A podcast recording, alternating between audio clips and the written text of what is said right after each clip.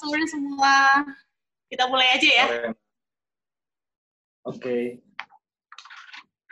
Uh, selamat datang di hari Minggu ini di Sandi Sharing yang ke-10 ya. Alhamdulillah sudah sampai ke-10.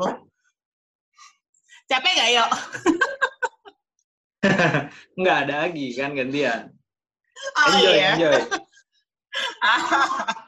ya, ya, Alhamdulillah kalau begitu.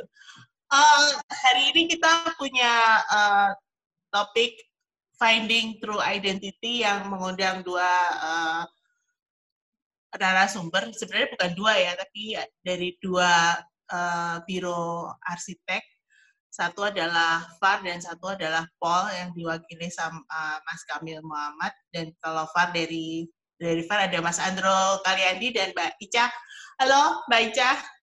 Mas Andro. Halo, halo. Uh, mungkin kalau teman-teman semua udah jauh lebih mengerti uh, uh, mereka dari beberapa uh, aktivitas uh, mereka di di apa namanya di komunitas arsitek dan beberapa event arsitektur di Indonesia yang sekarang akhir-akhir ini cukup uh, banyak dan cukup dinamis tapi kalau boleh aku uh, uh, cerita sedikit kenapa uh, kita stories dan dua host uh, tercinta tertarik buat ngundang ke undang kalian-kalian ini adalah karena uh, ketika misalnya baca baca apa namanya baca tentang VAR gitu uh, apa penjelasannya tentang VAR gitu aku kok jadi salah fokus gitu sama satu penjelasan kalian yang uh, anything uh, fun we stumble upon in between. Padahal uh, intinya di awal tuh udah cerita tentang kolaboratif uh, uh, apa namanya eksploratif uh, space apa segala macam. Tapi kok, wah, wah, apa ya ini ya? Wah, ini menarik nih buat diulik lagi nih. Lalu kalau uh, Paul juga gak kalah menariknya lagi karena uh, apa namanya justru menekankan pada uh, apa namanya ada sense of curiosity in every approach to every project ya Mas Kamil ya. Mungkin yes. perlu dijelasin lebih sebenarnya apa sih distinctive distinct uh, sense of curiosity-nya itu yang kayak gimana sih gitu. Makanya kemudian uh, jadi menemukan tema finding true identity ini karena uh, kita percaya bahwa semuanya itu melalui proses dan uh, semuanya itu pasti uh, perjalanan yang seru gitu. Bahkan uh, dua host kita sendiri pun sebenarnya punya perjalanan yang seru juga. Cuma tapi kita pengen dengar dari kalian, kalian bertiga. Uh, nanti Fauzia mau nyusul ya, insya Allah ya. Berarti dari kalian berempat. Uh, gimana sih cerita-ceritanya sebelum-sebelum mencapai uh, pada saat tahap pada saat uh, saat ini gitu. Entah dalam berkarya entah kemudian inspirasi-inspirasi uh, yang pernah ngena banget di hati gitu-gitu. Nanti monggo Tio buat menguliknya ya. Silakan Tio. Oke. Siap siap siap. Oke halo sore semuanya. Halo Andro Ica Kamil. Halo. Uh, makasih semuanya buat yang udah hadir di sini. Makasih udah meluangkan waktu dan memilih mendengarkan obrolan kita dibanding sekian banyak IG Live dan YouTube Live di luar sana ya.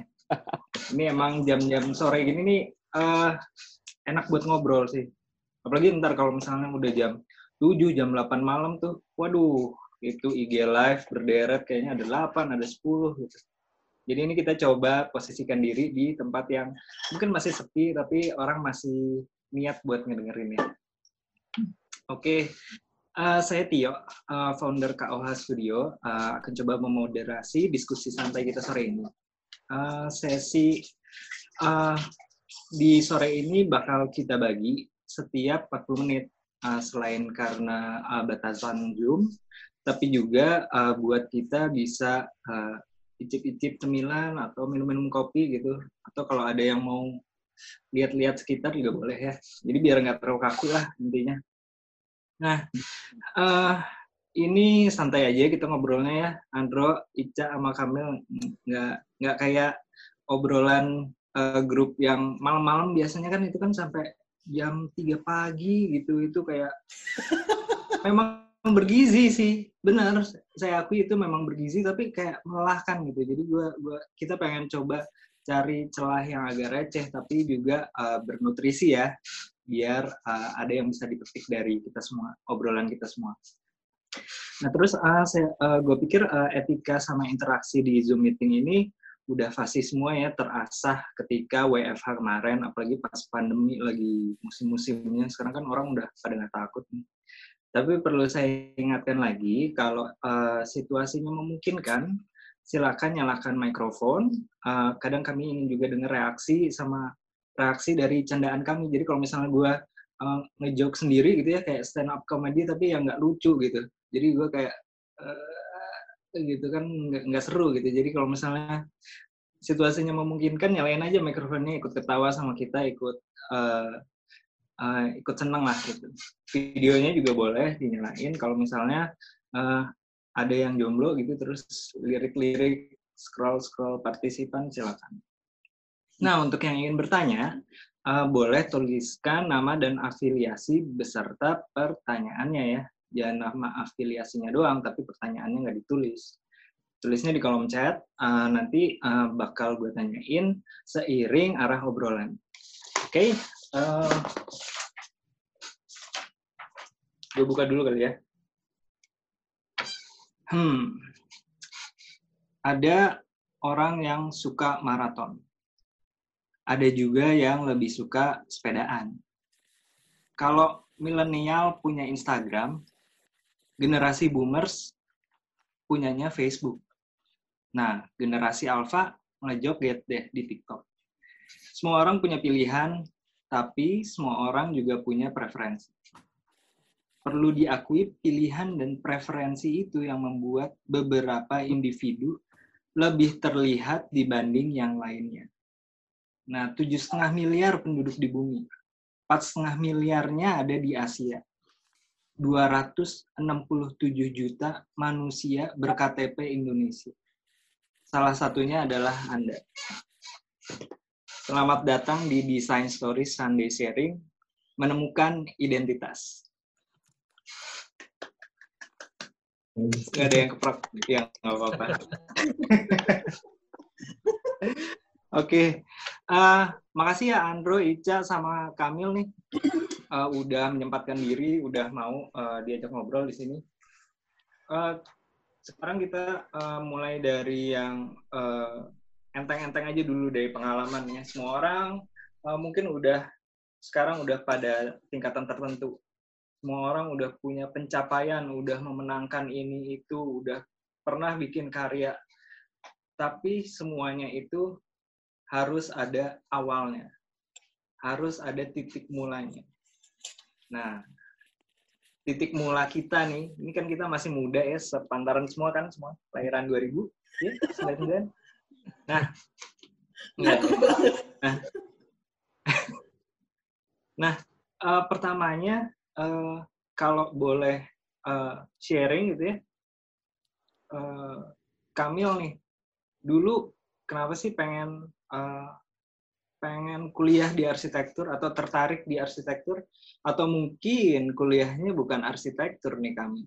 Coba boleh cerita nggak Mel? Um, sebenarnya arsitektur gue, gue tuh kecelakaan. Yo. Uh, Gimana? Gue nggak gue nggak kebayang jadi arsitek dari kecil juga. Um, gue nggak tahu profesi arsitek dari waktu kecil.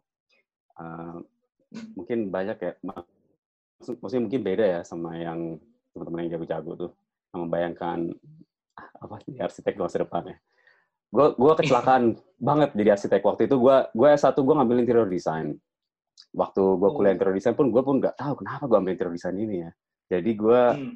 anjir gue jarang gue nggak pernah ceritain di publik loh um, jadi ya gitu gue gue ambil interior design uh, terus gue uh, ya gue normal sekolahnya gue pikir kalau gue fail satu pelajaran gue quit deh gue ambil hmm. hal lain karena emang gue dari dulu tuh sukanya uh, gue tuh suka macam-macam lah gue dulu awalnya gue mau masuk film Uh, Wih. terus somehow gue masuk interior design. Terus? Terus gue pikir kalau misalnya gue fail, gue gue ambil hal yang mungkin gue tertarik waktu itu ya. Kayak gue mau ngambil hubungan internasional atau uh, filsafat atau gitu-gitu deh.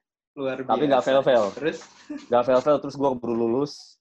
Gue pikir, ah mati lah gue. Gue lulus, terus uh, ada GFC, uh, Global Financial Crisis waktu itu. Waktu itu gue di Australia dan nggak ada kerjaan.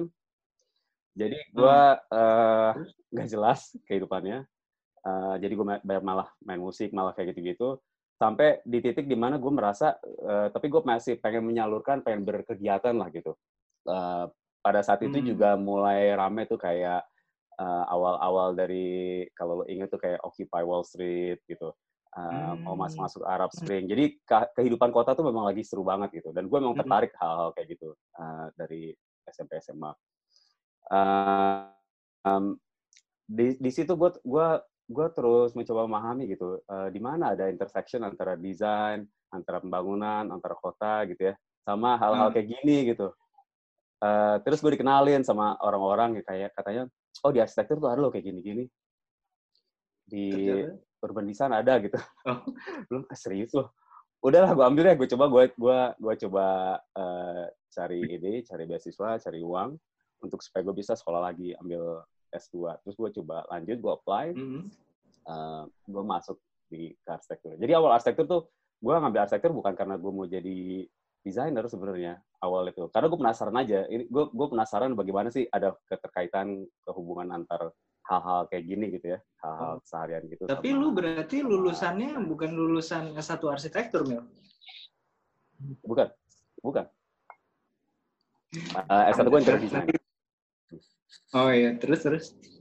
Ya, udah. Dia pas udah gitu, ternyata pas gue masuk arsitektur, um, Hmm. eh, di situ gue merasa eh cocok juga ya ternyata ya Eh, kelas-kelasnya seru gitu ya Eh, dan ternyata apa yang dilihat Hmm. itu berbeda gitu gue sempat juga gue sempat gue kerja sebagai interior designer gue selama dua tahun sebelum akhirnya gue kerja di sebagai asisten arsitek waktu itu di sana di di, di Melbourne. Waktu pas pas sambil gue juga kuliah. Em, Hmm. di situ gue mulai nemu kayak titik temunya gitu eh, di berbagai interest pribadi gue gitu. Um, dan di situ juga gue mulai merasa ah, ternyata oke interior design itu make sense di hal-hal kayak gini kayak gini kayak gini. Um, dan ternyata uh, bisa menjadi landasan untuk uh, ini juga untuk eksplorasi hal-hal yang lebih liar kalau menurut gue gitu ya. Uh, tentang uh, bukan hanya interior design misalnya kayak interiority kayak gitu gitulah baru dari situ gue merasa kayaknya oke lah ini kayaknya uh, nexus yang menarik gitu untuk gue bisa telusuri lebih lanjut. Udah jadi akhirnya uh, Hmm. tertarik tarik terus udah tiba-tiba ngurusin gini-ginian dah. Ngurusin pol tiba-tiba gue Jadi jadi jadi kayaknya dari eh, dari lingkungan eh, ngaruh nggak sih Mil? Pas awal lu berkarya di sebagai interior designer gitu, terus sampai ketika lu memutuskan untuk oh kayaknya gue pengen eh, melanjutkan studi di arsitektur gitu, Um, pengaruh nggak lingkungan? in- eh, sebenarnya ngaruh karena waktu gua ngambil interior design pun eh, gua waktu udah pas masuk apa sih tugas akhir ya tesis gitu eh, gua banyak memang ke arahnya explore soal hal-hal yang di luar portfolio gua tuh waktu itu aneh banget interior design jadi kayak ini gimana interior interiornya? Gua kayak nyesel juga.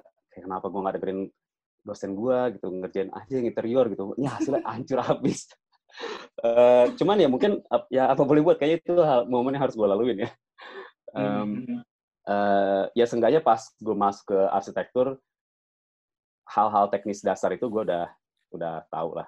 Um, uh, you know kayak kayak kayak gitu gue udah gue udah familiar gitu Eh, setidaknya di level teknis udah lumayan bisa lah paham gitu cuman memang harus eh, dipaksa keluar dari logika melihat sesuatu itu berangkat dari dalam terus gitu sebagai sumber gitu dan menjadi subordinat ke ke si building eh, si building manager, si arsitek kayak gitu-gitu. Akhirnya harus keluar keluar dari situ. Oke, ini gue kayak eh, baru tahu dan kayaknya gue ada beberapa pertanyaan lanjutan sih Mil dari sini. Kayak misalnya lu lu habis eh, eh ketika sudah berpraktek di inter- sebagai interior designer terus eh, magang eh studi jadi arsitek terus eh, lu kerja praktek nggak atau sebelumnya kerja di mana? Tapi tahan dulu ya Mel. Gue pengen ke Andro sama Ica dulu nih. Baru baru tahu nggak Andro sama Ica tuh si Kamil ternyata desainer dia, bukan arsitek dia. Baru tahu. Australia juga ya? Nah. Iya. Eh, kayaknya agak putus-putus deh, Andro. Oh, itu. Nggak apa-apa, kita sambil sambil ini aja. Santai. Cool, it's cool. Oke, ah tadi kan Kamil awal mulanya dari situ. Ah, dari seorang interior designer ah, meneruskan menyeberang ke arsitektur. Ah, kalau lu, Ndro, sama Ica boleh gantian ya. Ah, awalnya kenapa mau jadi arsitek? Em, gue dulu kali ya. Kalau Silakan, gue awalnya banget, dulu tuh zaman zamannya suka main The Sims. Terus suka banget kan bikin rumah, ada kolam renang. Kayaknya seru banget nih. Nah, terus jadi pengen punya rumah sendiri, bikin rumah sendiri. Nah, ternyata untuk bisa bikin rumah harus jadi arsitek kan. Nah, itu awalnya banget kenapa gue mulai kayak em, tahu gitu terhadap arah dunia arsitek. Cuman dulu kan masih kecil ya dan masih kayak nggak tahu Hmm. itu kayak gimana. Tapi dari seluruh jurusan yang ada, yang punya irisan antara teknik sama seni kan eh, cuman arsitektur. Jadilah gue pilih arsitektur, lalu bertemu Andro dan Fauzia di UPI. Gitu.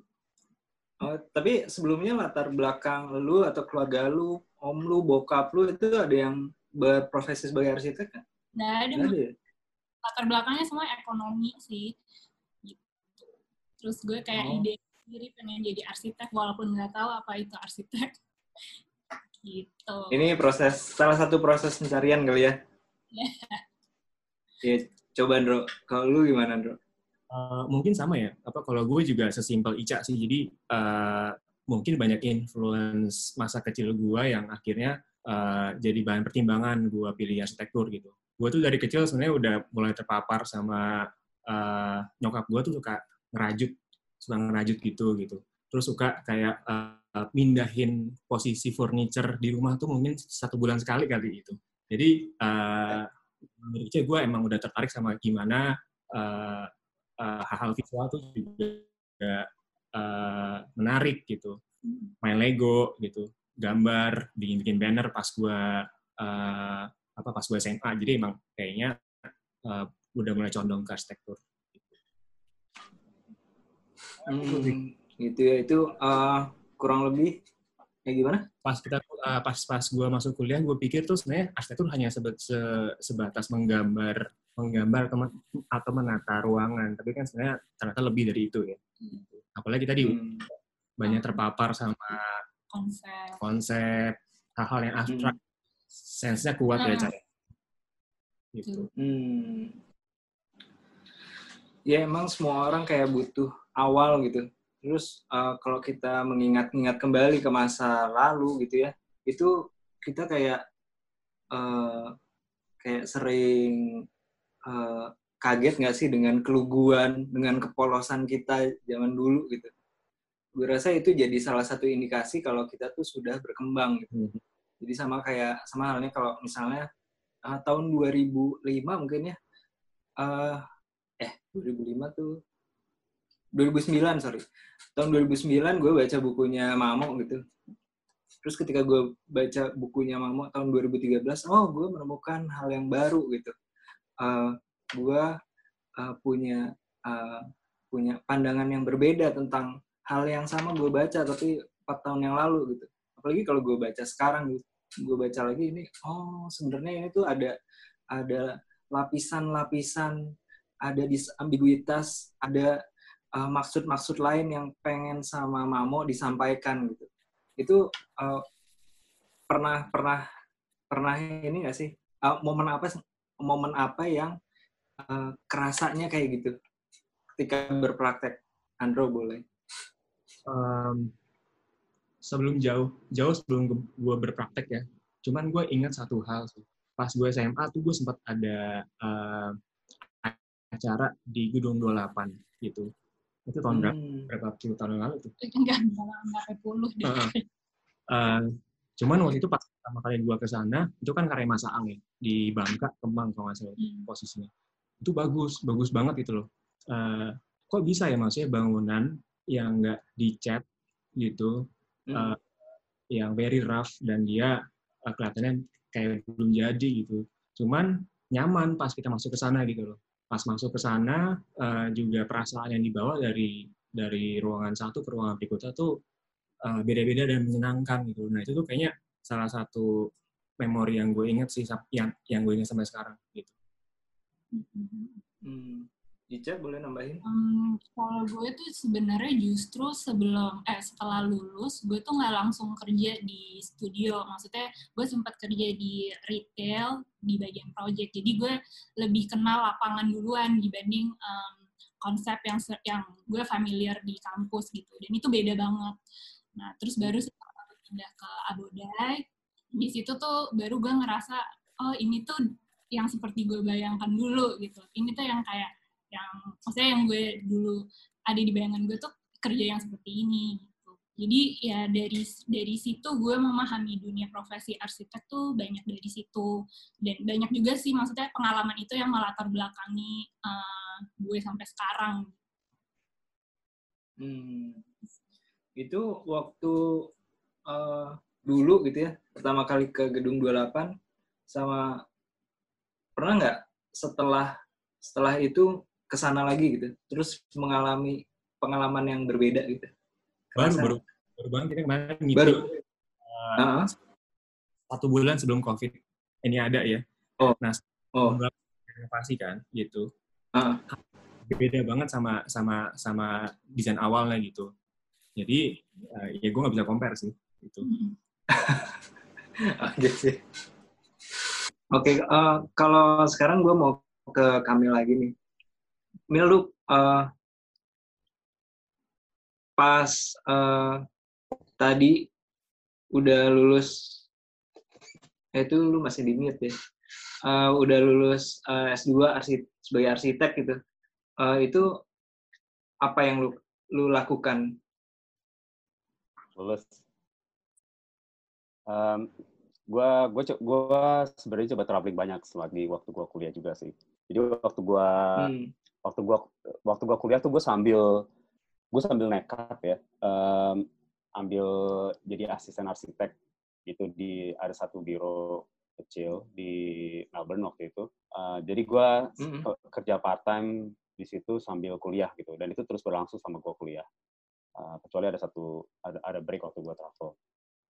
Em, eh, abis ya gue coba bener-bener inilah kayak gue coba-coba bener soak in gitu. Jadi gue banyak keliling waktu itu gue apa namanya eh, keliling keliling-keliling Au- Australia juga untuk belajar sejarah arsitekturnya modernisnya Australia gitu. Gue kunjungin satu persatu itu apa eh, tempat-tempat. Em, karena waktu itu mikirnya gue bakal berkarir di sana awalnya. Gue pikir ya mungkin ya ya it's okay Eh, pay lumayan gitu-gitu Eh, sampai gue sampai gue memutuskan untuk balik ke Indonesia waktu itu setahun untuk eh, ambil break. Karena waktu itu gue habis traveling panjang terus gue mau lanjutin di Indonesia untuk ambil riset gue sebelum gue selesai tesis. Eh, kebetulan tesis gue itu berhubungan dengan eh, dengan pemukiman informal pemukiman informal di Jakarta. Jadi gue di sini Oh. hampir setahun eh, dan gue banyak melakukan ini kayak investigasi lapangan eh, diskusi sama warga gitu ya, interview Nah, cuman Ah. interviewnya itu tuh ya, ya ya kita lah sama ya, kita juga pada sibuk kayak hari kerja ya. Jadi biasa tuh malam atau weekend gitu. Terus gue merasa kalau kayak gini terus, ini gue juga hari-hari biasanya gue juga nggak banyak kegiatan gitu. Akhirnya gue coba gue coba ini deh cari kerja di sini. Terus akhirnya gue coba Oh. apply ke tempat Supi, tempat-tempatnya Mas Supi di Iya. di, di Hmm. itu dekat eh, apa dekat apa Gedung 28 di Bangka. Eh, udah deh di situ habis itu gue di situ ternyata oke ya eh, ini interesting juga di Indonesia gitu pada saat itu ya karena waktu itu juga um, vibe-nya Jakarta tuh 2014 tuh lagi interesting ya 2013 sorry 2013 2014 itu lagi interesting banget Eh, uh, kayaknya iklim sosialnya juga lagi menarik gitu kayaknya orang-orang Hmm. lagi pada semangat Uh, gue Hmm. pikir ini kayaknya mungkin, mungkin kalau misalnya gue mau apa mau mengetahui lanjut tentang Indonesia, um, kayaknya ini momen yang paling yang yang lumayan oke lah untuk gue bisa balik gitu. Udah jadi akhirnya gue memutuskan untuk waktu itu selesaiin coba uh, riset gue di sini. Setelah gue riset, gue bilang uh, gue bakal balik ke Australia dulu untuk menyelesaikan tesis gue. Gue selesaikan tesis, gue tulis reportnya um, selesai di di Melbourne. Abis itu gue balik lagi ke sini untuk lanjut di tempatnya um, apa Mas Supi Supi. di di Associates Oh. kayak gitu. Nah ini, ini dari dari ceritanya eh kerasa nggak sih kalau eh, ada mungkin bukan plot twist ya tapi eh, learning curve kali ya dari yang yang awalnya eh, interior designer eh, terus eh, mau menetap mungkin jadi permanent resident di Melbourne gitu terus ketika ada satu waktu harus riset tentang apa eh, apa informasi pemukiman ya. Hmm, itu jadi jadi mengarahkan ke eh, berpraktek di sini. Itu kayak eh, jalan yang harus ditempuh nggak sih? Ya emang itu gue kayaknya nah itu plot twist ke plot twist gitu. nah dari dari pengalaman pengalaman itu Nah, eh, sadar nggak sih ada ada eh, pengaruhnya pasti ada ya. Tapi eh, apakah itu jadi membentuk eh, metodologi ketika lu mendesain sekarang gitu? Apakah desain arsitektur lu tuh ke interior interioran atau pemikiran lu tuh lebih ke kalau misalnya lu berbicara tentang pemukiman informal ya apakah uh, pemikiran lu tuh agak-agak sosialis gitu mungkin bisa ceritain nggak kalau dari lu nya sendiri nyadar atau enggak seberapa nyadar Iya. coba ceritain ya kayaknya kalau kalau dari metodologi desain gitu ya di di studio atau bisa bareng teman-teman atau atau sendiri gitu di atau sebenarnya bisa di poll gitu ya. Em, Mm. Kalau menurut gue sih Paul itu sebenarnya juga studio yang konvensional sih. Maksudnya ada proyek arsitektur, ada proyek desain, exhibition, terus ada risetnya. Yang menurut gue juga makin banyak ya studio-studio kayak gitu ya. Eh, jadi juga bukan hal baru gitu. Em, tapi gue pikir pasti lah, pa- pasti eh, ini ya kayak nurture gitu kan antara nature versus nurture gitu ya. Yang lingkungan kita itu sangat eh, influencing ke keputusan kita, ke outlook kita, masa kecil kita gitu.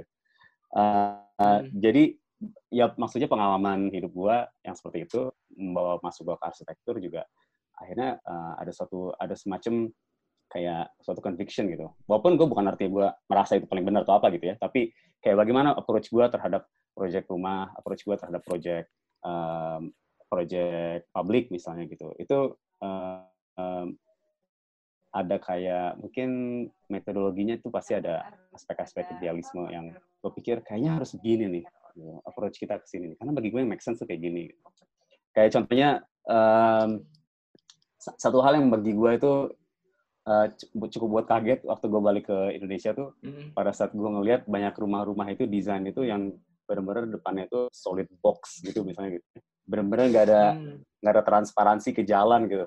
Bagi gue itu pertama kali Hmm. gue datang, gue shit, kenapa ya? Ini gimana ada ada surveillance, eh, public surveillance gitu ya dari yang punya rumah ke jalan gitu supaya menjaga soal safety, soal hal kayak gitu lah yang gue yang gue pelajarin di kampus, yang gue pelajarin di eh, di apa prison gitu.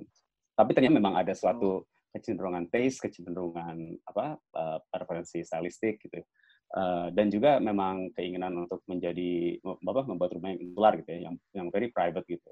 Uh, sehingga orientasi dalam gitu. Oke, eh, maksudnya gua gua gua terima aja gitu. Oke, ternyata memang di sini ada uh, ada arahan seperti itu gitu. Dan ini yang menurut gue tuh juga kayak menjadi uh, ngebantu gue juga ngebuka potensi-potensi lain terhadap bagaimana sih kalau misalnya di Indonesia tuh orang melihat rumah gitu. Mm. Karena dibandingin misalnya dengan konteks pemukiman informal yang sifatnya sangat publik gitu ya. Mm. Uh, orang-orang itu nongkrong tuh di, di tepi rumahnya, di pinggir jalan, di terasnya gitu. Itu nyambung antara jalan dengan ruang tamu gitu.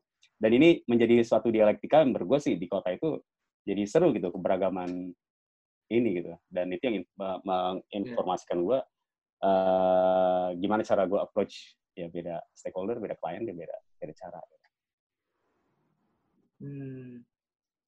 uh, sebelum gue nanyain pertanyaan yang sama ke Andro sama Ica Andro sama Ica boleh komen nggak soal pernyataan Kamil barusan?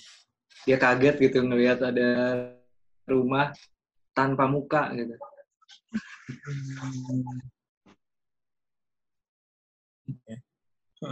Soalnya uh, cuman ini sih apa namanya uh, ngelihat uh, konteks project itu sebenarnya banyak banyak project itu banyak konteksnya. Ada yang memang dia butuh uh, tertutup dari depan gitu, ada yang butuh transparan gitu. Itu kan lagi hmm, hmm. sama arsitek lainnya lagi gitu. Dari kita. Hmm lain kan justru minta udah deh kita nggak mau bikin di depan gitu gitu emang maunya kan tutup aja gitu ada juga kayak gitu hmm. uh, uh, konteks masyarakat dan uh, dalam dalam dalam kota yang makin padat itu juga sebenarnya bawa, bawa pengaruh sih gimana mereka membuka uh, tampak rumahnya ke depan. Gitu. Hmm. Ica mau nambahin dikit? Udah, udah diwakili. Enggak, udah melengkapi ya. Makanya partner lah. Oke, okay, uh, eh, biar adil gue mau menanyakan uh, pertanyaan yang sama deh, uh, yang tadi gue ajukan ke Kamil ke Andro. Jadi, uh, uh, sadar nggak pengalaman lu uh, dari awal sampai uh, bekerja profesional, terus berpraktek sendiri itu ada ada uh, dinamika yang uh, pada akhirnya membangun identitas lu dalam berkarya? Um,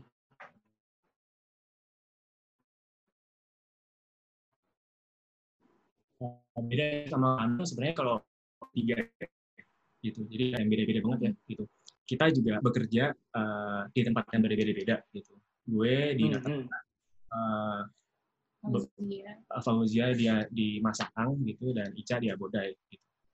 Um, ya kayak kayak, kayak yang kemarin Pak Pak Kendro sampaikan sebenarnya kalau Natalaika kan juga sebenarnya uh, sangat kuat di tekstur terus di um, uh, detail gitu ya gitu uh, mungkin apa yang bisa gue um, uh, coba coba develop bareng-bareng di VAR itu ya mengenai apa yang gue bawa kemarin di Natalaika gitu lain lagi mungkin dengan hmm. sebenarnya um, uh, sempat di US sih dia gitu. Dan pas bawa pulang ke sini, ternyata uh, dia bawa referensi arsitek seperti Moss gitu atau Christian Wolfman yang yang mereka sangat hmm. mereka suka bikin hal-hal yang sebenarnya nggak esensial kayak bikin mug kayak bikin tote bag gitu kaplam oh, oh. gitu nah, yes. itu juga sebenarnya uh, agak tertular sih kita gitu kita suka bikin hal yang yang yang iseng-iseng juga jadinya. Hmm. Terus karena karena kita bertiga juga, kita juga sebenarnya pengennya masing-masing dari kita itu bisa menampilkan karakter masing-masing di desain yang kita bawa gitu. Soalnya kita merasa itu akan lebih kaya pasti ya untuk untuk uh, proyeknya sendiri. Gitu. Jadi uh, tapi kayak satu hal yang kita sadari dan ini kita baru kayak ngeh juga sih kayak ternyata tuh uh, dari dulu tuh kita emang suka sama sesuatu yang iseng, yang kayak fun, yang kayak nyeleneh, kayak yang uh, emang playful gitu loh. Mungkin karena kita kita juga orangnya kayak kayak gitu sih. Terus ditambah juga, oh. gue ngeliat uh, kita kan tiga-tiga di UI. Mm-hmm. Uh, pas kita kuliah tuh eh, bro, sih. Bro. Yes. Nah, penasaran kan Nah, karena ini sesinya udah mau habis, tahan dulu ya. Ntar kita keluar dulu, balik lagi ke sini pakai uh, link yang sama ya. Yeah. Uh, buat partisipan yang lain, uh, jangan kabur ya. Kita tunggu balik lagi uh, sesaat lagi. Oke? Okay? okay. Ntar ya. Thank you. Dah. Sorry.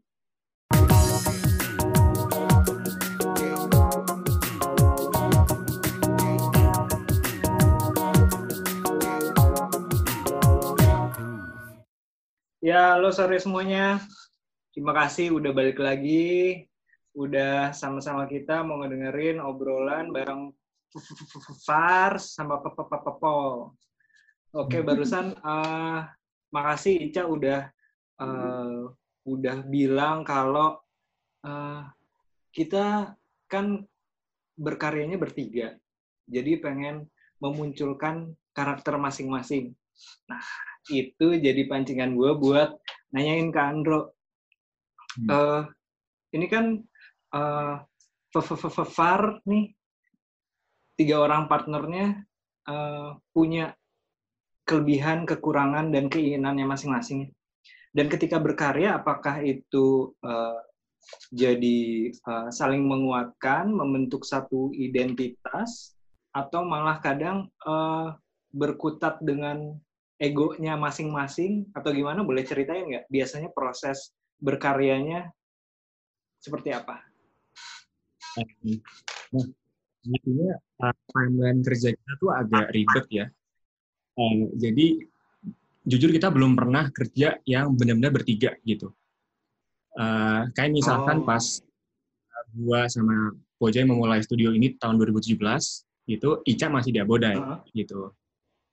Oh. Uh, jadi kita bakal ganggu Ica, nggak nggak bakal ganggu Ica untuk masalah kerjaan gitu. Terus pas Ica justru mulai uh, selesai dari Abodai dan join ke kita, tiga bulan kemudian Poja berangkat ke US gitu. Jadi uh -uh.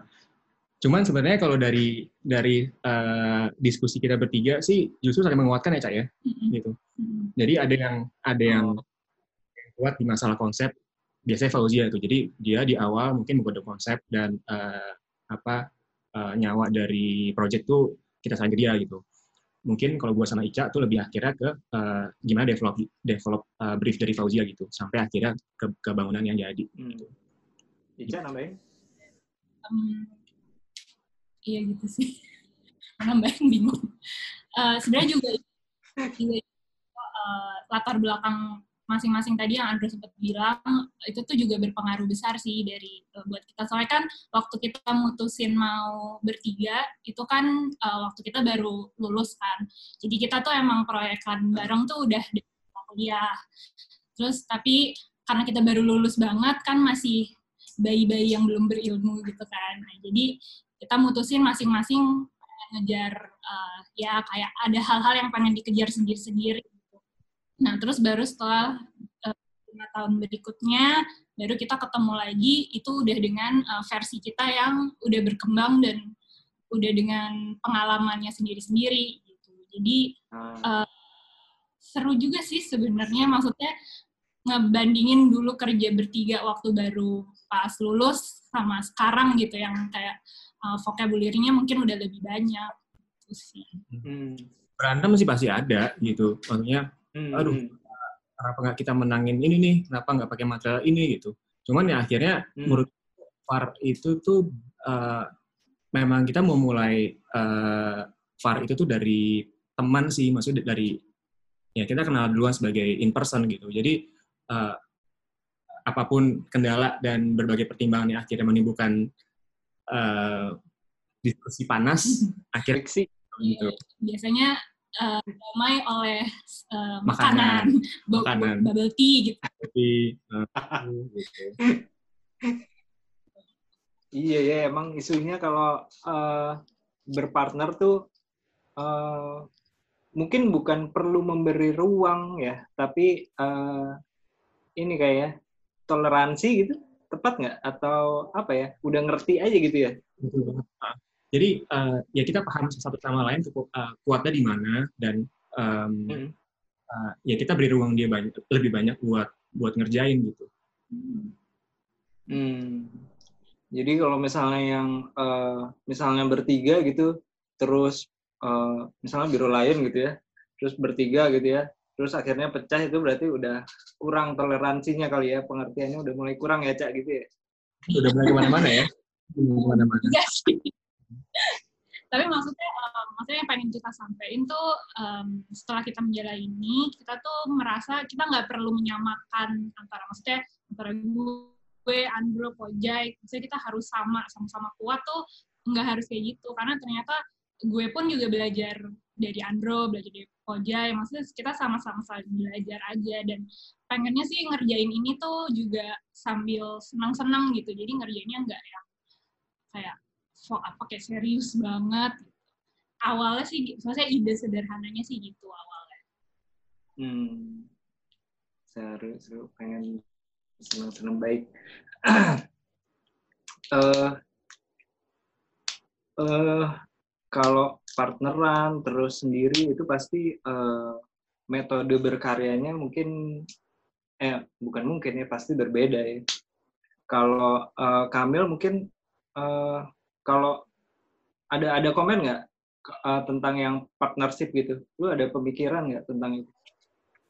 Eh, Iya, eh, mungkin partnership itu su- ini ya.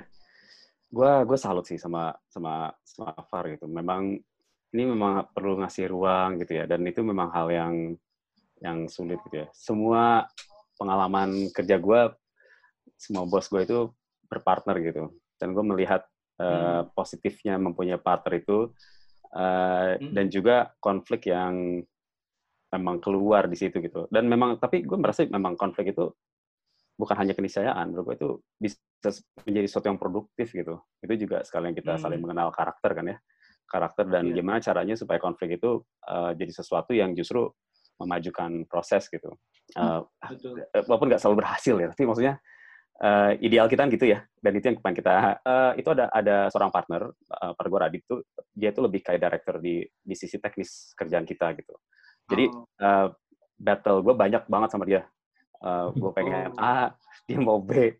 Gue gak bakal, wah itu kenceng lah. Tapi maksudnya di situ gue juga sadar gitu. Memang mungkin di satu sisi um, gue salut banget sama kayak um, ex bos gue uh, Masuki sama Mbak Ria gitu. Gue juga apa salut ngeliat uh, Andro Ica sama Poja gitu, uh, sama arsitek bisa bisa bagaimana membentuk kolaborasi seperti ini gitu ya. Uh, kebetulan kalau di Pol itu uh, gua di gua di bagian arsitekturnya gitu ya. Gue banyak uh, ngomongin konsep kayak gitu-gitunya. Radit itu banyak nanti ngomongin di aspek teknis dan itu ada dua expertise yang memang berbeda gitu. Jadi kadang-kadang kita battle-nya itu uh, memang memang perlu adu argumen sih. Uh, ke- kenapa lo milih gini, kenapa gini? Um, gitu deh. Gue, soal gue, gue kayak pengalaman, pengalaman gue memang agak suka, suka misalnya barengan arsitek semua itu kadang-kadang eh, kapan kita seat control gitu ya, kayak agak let go control, kapan kita pegang kontrol lagi, itu memang kayak ground yang bagi gue tuh memang sangat tricky sih. Iya nggak sih? Bro, Hmm. Cak. Kalau gitar tuh justru uh, gue tuh agak takut memang dari dulu ya maksudnya kayak gue di, di, dibilang bosi bosi atau akhirnya dominan gitu. Jadi kadang dua cewek ini tuh justru yang sebenarnya memberikan banyak influence ke Hmm, gue gitu. hmm. Makanya kan orang menganggap kayak FR mungkin cowoknya nih yang yang yang frontman-nya gitu. Tapi sebenarnya enggak gitu. Hmm. Justru dua cewek ini oh. banyak kerja di balik layar. Eh kantor lo rasio kantor lo rasio cewek cowok berapa? Uh, kalau masuk sama staff cowoknya itu tiga, ceweknya tiga. seimbang Oh, 50-50 ya. Adil, adil. Soalnya gua, menurut gue itu perlu loh. Kalau Kayak Mil? gue ngusahain di studio kita ada ceweknya itu ada total tuh sekarang ada tiga, cowoknya empat, lima, lima. Um, Oh. Dan menurut gue rasio cewek-cewek itu itu penting sih kalau lihat di studio. Iya, kenapa Bukan tuh, Mel?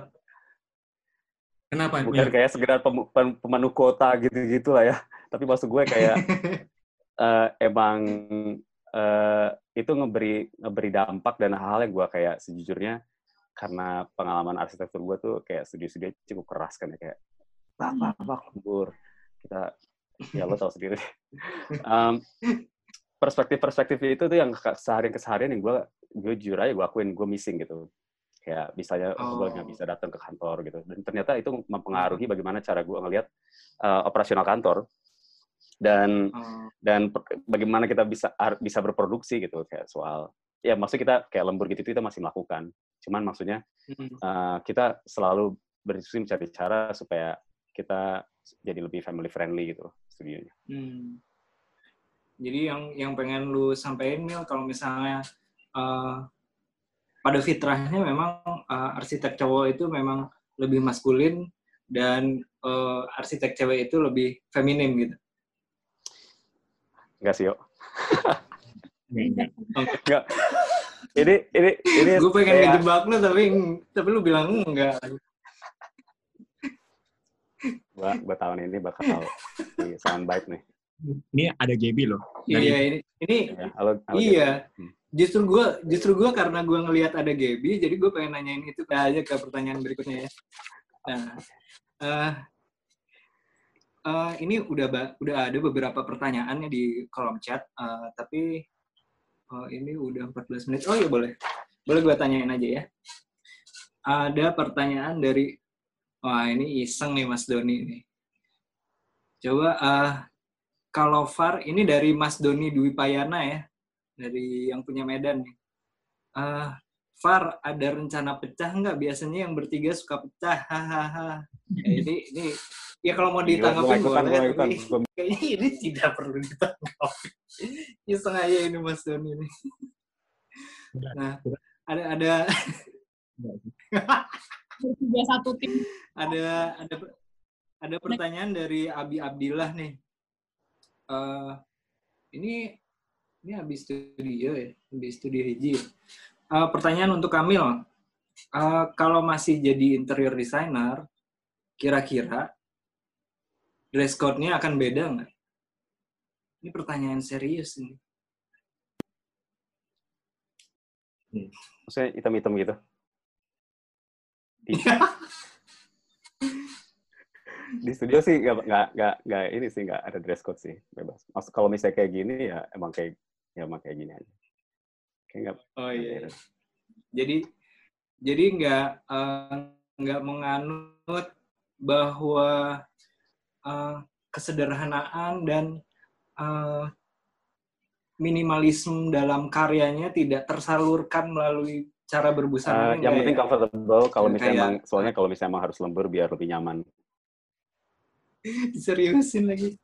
Oke, terus kalau untuk f- f- f- f- VAR, eh, tertarik nggak bikin koleksi produk? Kan udah eh, karyanya nih udah macam-macam. Tadi Andro kan sebutin eh, kalau Koja itu membawa influence kalau di US tuh ada yang bikin tote bag, ada yang bikin eh, kap lampu, ada yang bikin A, B, C, D. Ya kalau eh, VAR sendiri ada ada kayak ide keidean nggak sih pengen bikin ah gue pengen uh, collection series uh, handle atau apa vas bunga gitu gimana Kita pengen Cak, ya. Ada sih, ada banget. Malah kita udah sempet ngomongin ya dulu awal-awal. Hmm. Tapi ini koleksinya lebih yang kayak, eh pengen deh bikin rantang yang kayak bentuknya geometris. Terus pengen juga bikin kayak tempat bowl buat uh, kucing atau anjing. Jadi lebih pengennya tuh justru tadi itu mengeksplorasi hal-hal iseng tadi itu dalam uh, perspektif kita gitu. Eh, anyway, kita sebenarnya udah bikin ini sih. Gue nggak tahu ini kategori produk atau bukan ya. Cuman kita udah bikin kartu capsa. Eh, oh, iya. terus dijual nggak dua, Dijual. kemarin udah dijual. Gitu. Wah ini harus kita beli nih kayaknya Kita kayak seneng gitu ternyata ngerjain hal-hal yang kayak gitu. Iya.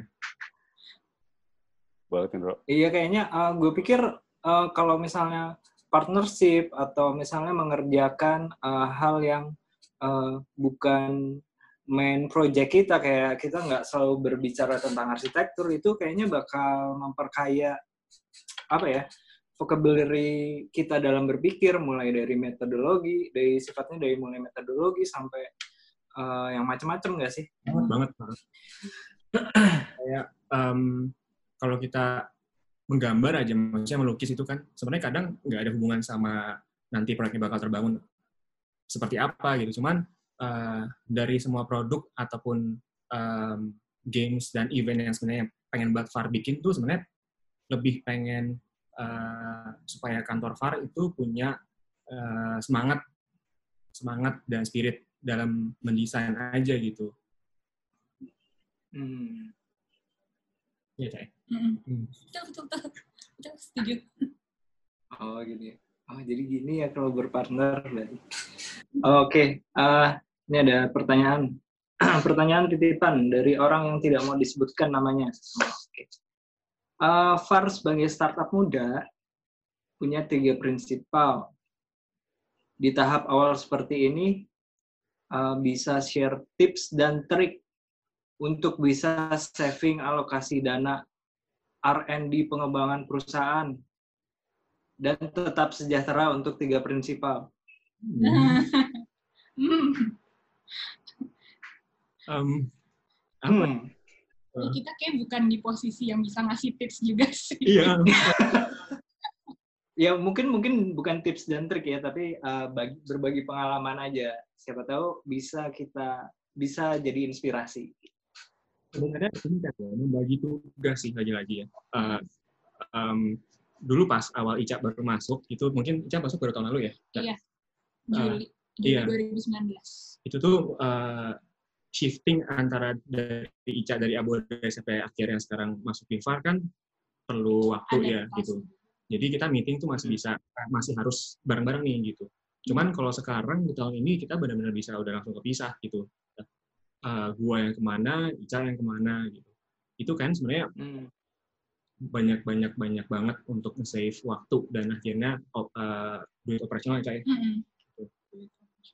gitu. Jadi sebenarnya uh, bagi waktu banyakin proyek gitu akhirnya uh, ya lumayan akhirnya bisa kita bisa saving. Iya. Oh gitu. Tapi- Savingannya udah banyak dong ya. Di- uh, tabungannya jauh lebih banyak. Eh, Kamil mau nambahin atau malah ingin ikut bertanya?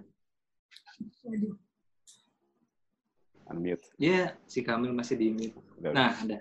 Enggak, gue mau juga mau tahu ilmunya dari Far. Nah. Gimana cara Oh gitu. mengisi pundi-pundi pundi-pundi tabungan. Mungkin besok Oke. kita sama Pak Bejo kali. ya. Iya. Mm. Kita kayaknya perlu ada round table discussion ya untuk ini ya mengisi pundi-pundi nih ya. Biar saling belajar di topik yang lain kali ya itu. Di sesi yang lain. Oke, ini ada masih ada pertanyaan nih. Ini kita baru 21 menit ya. Oke. Masih sempat nih kita cobain eh, masih bacain pertanyaan dari kolom chat. Nah, ini dari dari biro sebelah ini, dari Primaldi Perdana mau nanya buat Kamil. Nah, ini susah nih kayaknya. Kan tadi per- kan tadi bilang pernah belajar filsafat. Gue tertarik dengan hubungan antara proses desain dengan kerangka berpikir filsafat. Wih, ada pengaruh-pengaruhnya nggak? Mungkin ada contoh. Apalagi kalau mau nyamain kerangka filsafat ke partner, mungkin ada kesulitan. Wah ini kayaknya curcol nih Primaldi. Boleh dijawab nih Kamil. Halo Li. Eh, iya sih emang emang susah sih ya kayak kalau mau nyamain nyamain kayak gitu tuh eh, kayaknya nggak bakal nyambung sih. Emang harus eh, lo harus kayak convincing tanpa tanpa filsafat tanpa embel kayak gitu eh, nggak perlu pakai argumen kayak gitu gitu kalau mau nyambungin ke ke partner atau ke klien atau kayak gitu. Tapi kalau Hmm. misalnya soal proses desain dengan kerangka berpikir filsafat. Bagi gue soalnya filsafat itu ini sih, bukan kayak mencari suatu kebenaran, apa jalan hidup, hidup yang baik, kayak gitu. Teman, bagi gue tuh filsafat itu simply sebenarnya sebagai alat untuk analisis. Jadi mungkin em, eh, filsafat kayak bukan untuk mencari metode desain sebenarnya, tapi itu memang memang benar itu sebagai kerangka berpikir gitu, kayak eh, yang ya kayak misalnya yang gue suka tuh kayak Deleuze kayak gitu-gitu, itu memang eh, bagaimana cara kita membaca ruang, bagaimana kita membaca social relations kayak gitu. Nah itu yang ngebantu untuk misalnya gua project gua pu- project public misalnya, eh, salah satu project gue pernah kita pernah ngerjain eh, ada Air Petra dan itu uh, gimana cara membaca pola masyarakat situ dan uh, sebenarnya bukan soal pola sih, tapi lebih kayak gimana relasi-relasi yang udah terbentuk antar beberapa interest itu karena ada, ada pasar, sekolah, ada masyarakat dan lain. Itu ngebantu sih. Uh, filsafat itu ngebantu untuk uh, lo ngebaca dan mengurai relasi-relasi ini gitu. Uh, jadi kayak gitu yang gue pakai filsafat. Nah ini uh, filsafat sendiri sih akan sulit kalau misalnya kita pakai untuk convincing orang lain ya. Tapi bagaimana hasil pembacaannya ini yang mungkin lo bisa pakai untuk convince uh, boleh partner lo, boleh stakeholder, boleh si orang-orang dinas gitu, uh, itu yang bisa membantu. Ada ada ada ini nggak Mil? Contoh contoh practicality-nya ketika lu mengerjakan proyek gitu? Ada, ada, ada. Si satu Petra gue kerjaan itu, jadi kita itu uh, waktu itu kan nggak tahu ya, kita mau buat apaan di sini nih. Ini ada tempat oh. gitu. Um, uh, karena memang Petra itu ini Petra batch terakhir ini karena kan Jakarta DKI bakal lagi shifting ya ke namanya itu Taman Maju Bersama. Uh, hmm. Jadi ini batch, batch terakhir si Petra. Nah ini um, logika bermain uh, tempat bermain anak-anak itu waktu itu kita pertanyakan sebenarnya karena kebetulan tesis oh. gue tuh dulu tentang itu tuh S1 oh. um, yeah. Uh, dan dari berbagai macam riset itu menunjukkan memang anak-anak itu bisa bermain di mana aja dan uh. tempat sampah adalah tempat bermain tempat terbaik ya tempat sampah dan ini uh, uh, dan uh, construction site itu tempat ter, terbaik untuk bermain gitu karena di situ banyak hal-hal yang memang bisa dimodifikasi gitu sama anak-anak gitu uh, bisa di ya bisa diubah-ubah gitu. Nah jadi kita, justru berpikir uh, untuk daerah-daerah yang memang sifatnya itu pemukiman padat gitu, anak-anak itu sudah, terbiasa dengan bermain di gang-gang gitu. Sekarang pada saat kita berikan hmm. lapangan besar, uh, hmm. apa yang apa yang mengubah perilaku ini gitu? Apa yang mengubah uh, apa kegunaan tempat ini sekarang jadinya? Ternyata yang kita temukan di site itu adalah uh, justru kita tertarik uh, dari perumahan mereka sampai ke site-nya itu aksesnya itu jalan besar dan itu banyak mobil truk, mobil sampah, uh, mobil kayak gitu gitulah, mobil besar gitu ya, yang justru berbahaya um, ininya gitu. Uh, jadi pas kita kita pikir kalau misalnya di sini untuk hanya mencapai suatu tempat di mana itu ya teman bermain pelong aja gitu, ya mm-hmm. ya udah gitu. Cuman kita akhirnya mikir apa mungkin uh, ruang bermain yang lapang ini yang biasanya itu di di ya mereka itu harus mainnya itu di lapak di jalan akhirnya jalan-jalan besar ini mainnya yang berbahaya tadi itu justru itu yang justru kita bawa ke si ke si tamannya gitu uh, jadi kita kayak transplanting si oh. logika jalan itu jalan besar ke taman dengan kita buat kayak gundukan-gundukan gitu. Jadi uh, si konsep site-nya itu akhirnya kayak uh, a series of kayak hills gitu kayak gundukan-gundukan buat anak-anak tuh naik turun naik turun. Modelnya kayak gitu uh, tarikan konsepnya gitu. Dan itu kita, ceritain gitu di proof oh ya udah ada jalannya. Oh gitu ya di situ ya filsafat tuh bisa bisa ngambil perannya tuh di situ ya. Iya jadi seru juga ya keputusan desainnya tarikan desainnya juga jadi kayak gitu ya. Oh. waktu itu nemunya di situ ya. Hmm. Ah nah biar adil nih Andro nih kayaknya udah gatel nih pengen pengen ngomongin sesuatu yang uh, dari pemikirannya juga uh, nyambung ke karyanya gitu. Yang tapi ada satu yang pengen gue, gue tanyain tuh. Uh, kalau nggak salah lu pernah uh, ada karyanya uh, Far yang bentuknya lingkaran ada di pintu masuk kalau nggak salah hmm, Arc ID ya ah ya itu gimana tuh ceritanya tuh um, ya jadi waktu itu kita sebenarnya diajak sama almarhum Pak Juara ya buat buat ikutan uh, Arc ID gitu. Uh, kita dikasih tempatnya itu di depan di gate uh, uh, pintu masuk utama gitu. Terus uh, yaudah kita develop uh, briefnya adalah dia menjadi uh, gate utama pintu masuk utama sekaligus juga harus represent uh, satu uh, material sponsor gitu. Nah, hmm.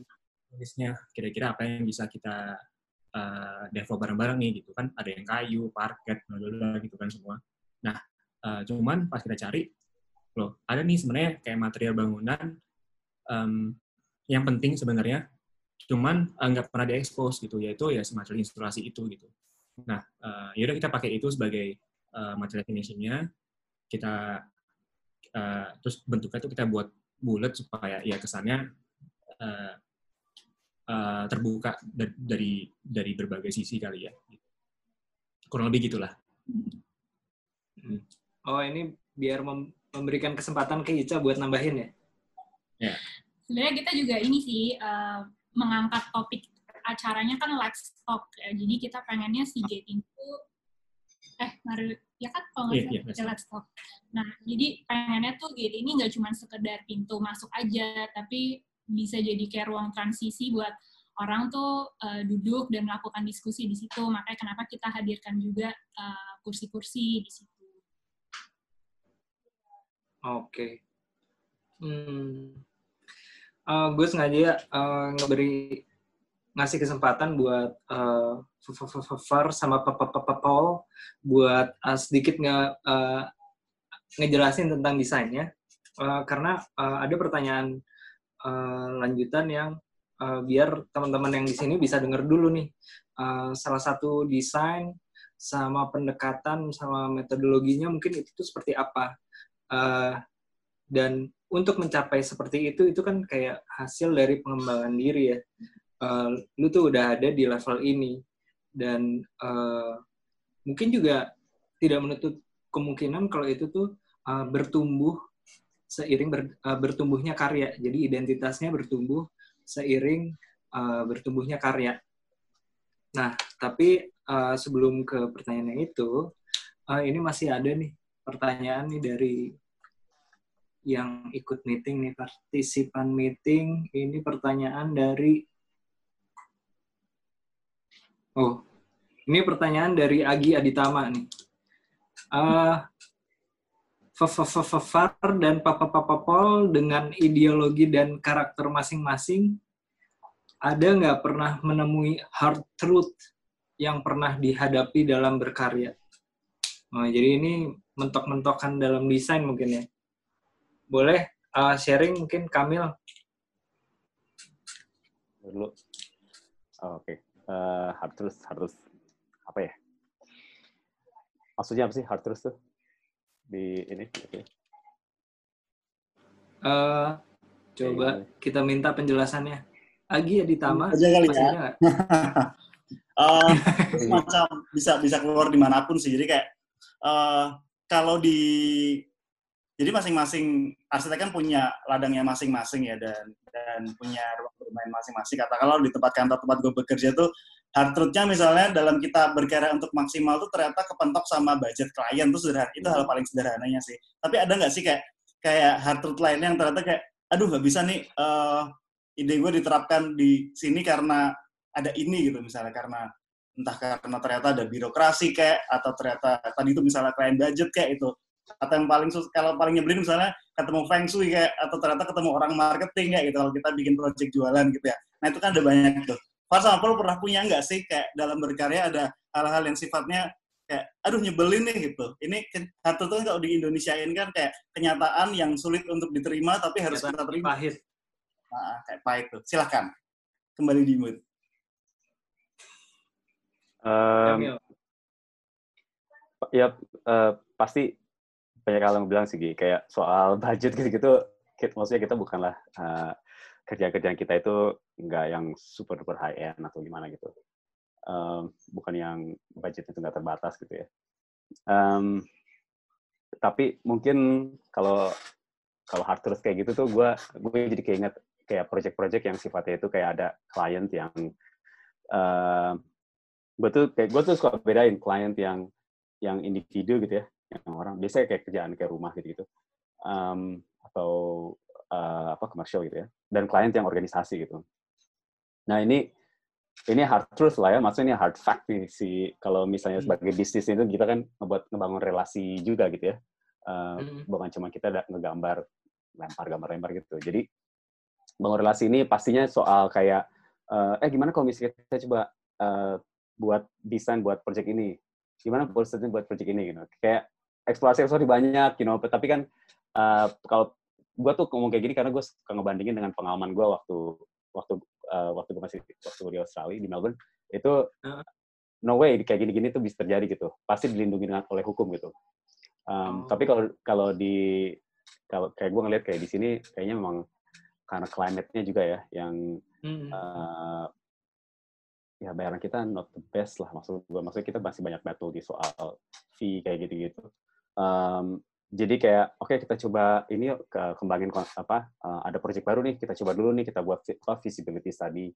Uh, hal kayak gitu ada kita oke lah kita kita boleh bantu kerjain bantu kerjain. Tapi kayak beberapa kali akhirnya itu doesn't apa nggak nggak nggak menjadi sesuatu yang uh, nggak termaterialisasi misalnya gitu. Dan uh, kita itu uh, kayak tahun-tahun kemarin tuh yang kita mulai merasa oke kayaknya we have kita harus agak mundur sedikit sih dari model-model kayak gitu tuh. Karena itu juga lama-lama nggak sehat gitu. Walaupun walaupun uh, seru gitu ya. Dan kebetulan yang suka kayak gitu ya klien-klien yang memang orangnya juga uh, grup-grup yang mereka tuh berani untuk eksperimen gitu.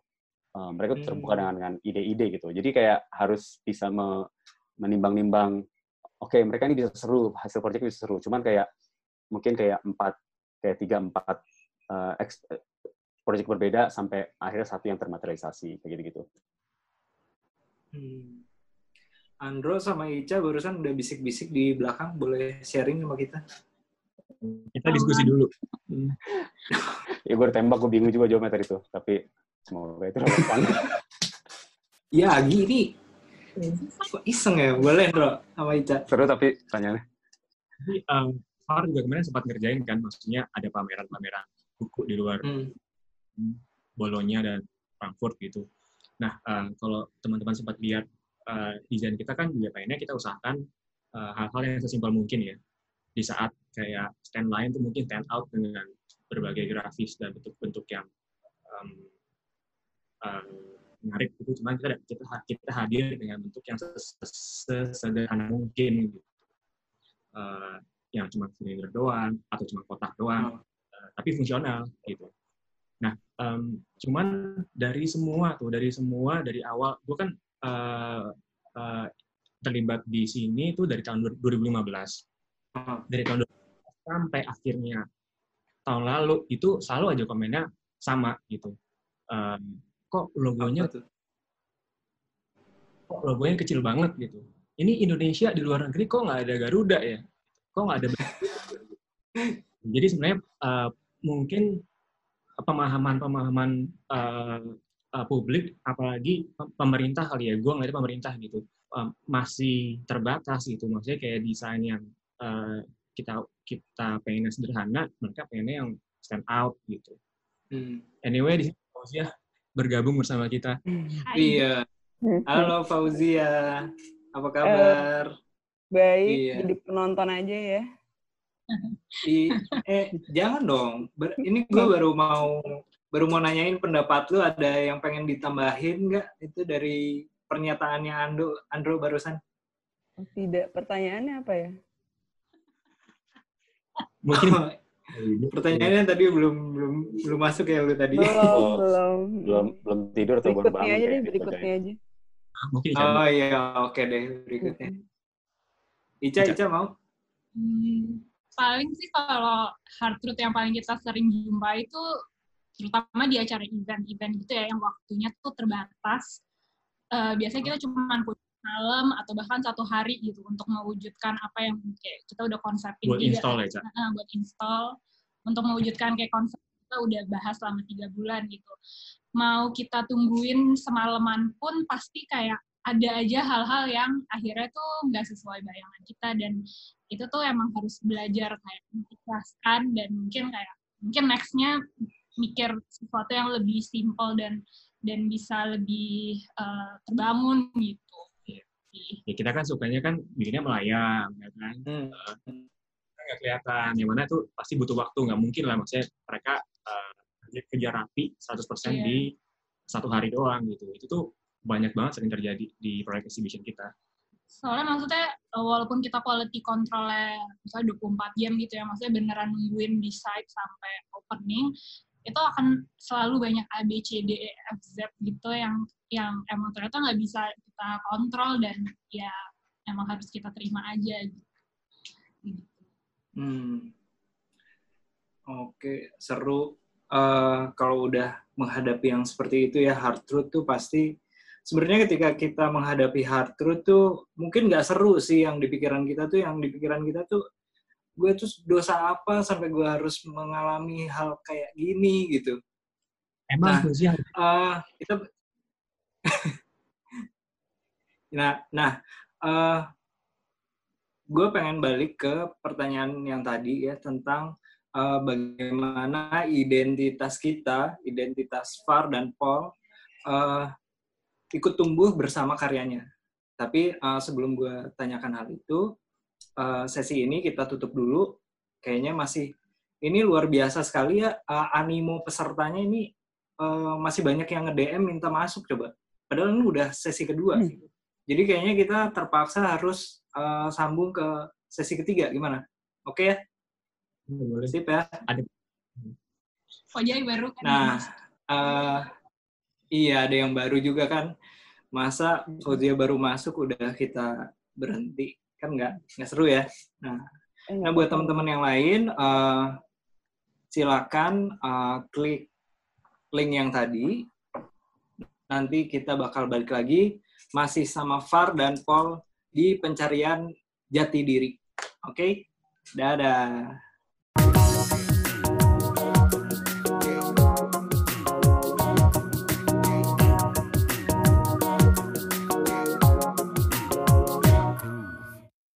Oke, halo sore semuanya. Balik lagi masih bareng kita, bareng Far sama Papa Paul. Kita lagi ngomongin tentang uh, identitas. Bukan kita sok-sokan masih remaja gitu ya, masih pencarian jati diri gitu. Cuma kita lebih ke lebih uh, berpikir ke uh, gimana apakah karya kita membentuk identitas kita atau identitas kita membentuk karya kita. Uh, Nah, sebelum gue lanjutin ke pertanyaan yang tadi ya, yang seru itu, eh, ini ada, ada- masih ada pertanyaan dari eh, partisipan tadi yang belum gue tanyain. Eh, ini sekarang partisipannya masih, wih, masih banyak ya, ternyata masih 76 orang.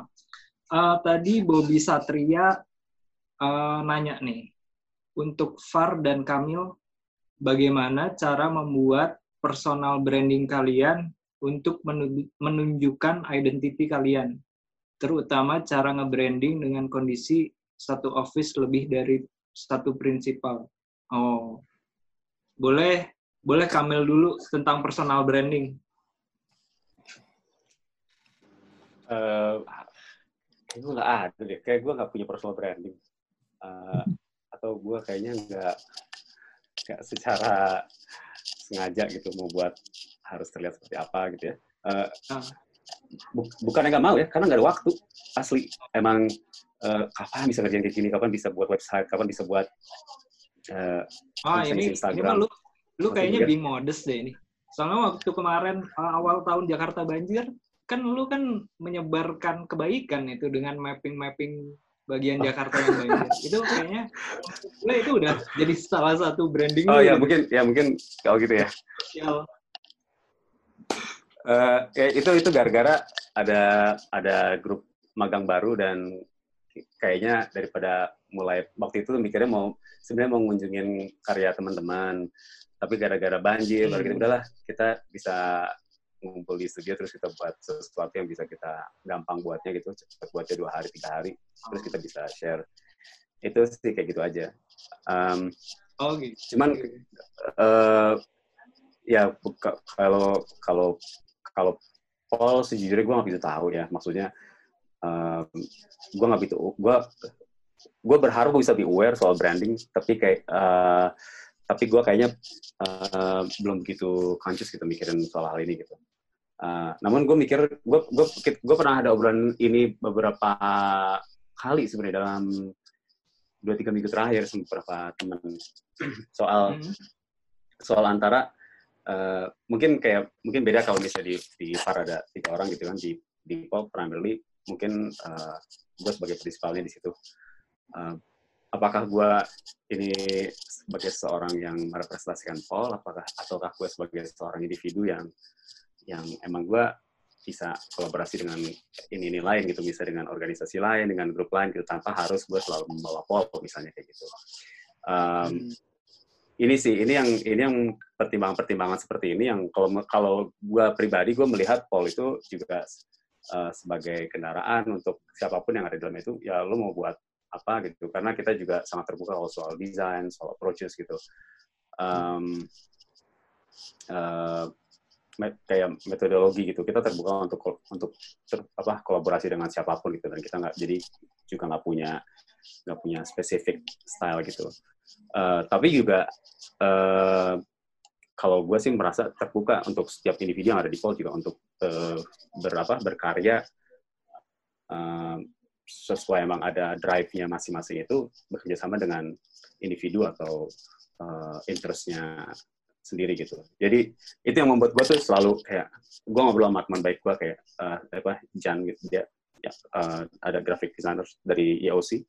Uh, udah dua tahun kita ngobrolin soal buat website tapi kayak oh, Apple gimana nih mau ngomongin apaan di sini? Apakah kita mau ngomongin soal karya-karya terbangun? Apakah ide apa apa?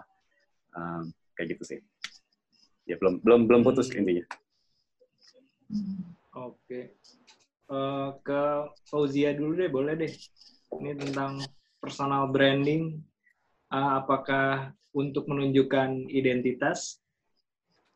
Um, Sebenarnya tadi mungkin mungkin orang lihatnya Far um, mungkin salah satu yang kesannya ada sebuah branding yang ditampilkan secara sengaja, tapi sebenarnya kalau mau dibilang kita udah tahu branding kita apa dan udah mau dikasih lihat juga sebenarnya nggak nggak juga sih maksudnya kita um, uh, banyak hal yang kita lakukan sebenarnya bukan dengan intensi uh, bikin label branding gitu. Tadi mungkin Andro sama Ica mm-hmm. udah banyak ngomong soal um, kita sebenarnya suka banyak iseng pengen A, B, C gitu sih.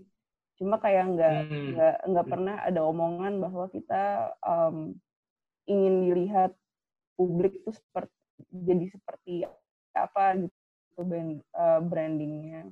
Um, tadi juga mungkin uh, ada yang mirip juga sih sama yang uh, kami omongin soal misalkan website gitu.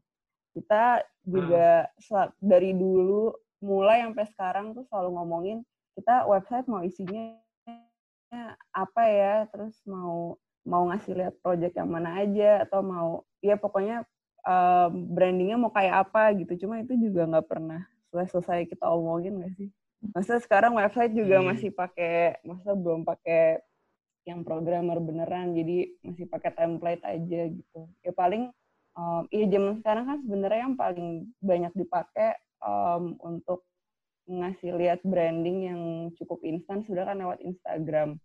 Tapi juga tadi mungkin uh, ya menarik juga sih kalau prinsipalnya satu sama prinsipalnya tiga.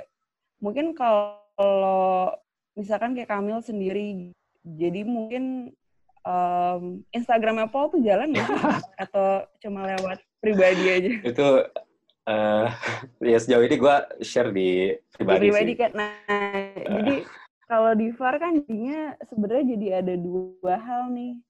Um, branding yang secara sadar atau tidak sadar muncul lewat VAR sama muncul dari kitab hmm, personal hmm, hmm. bertiga kan.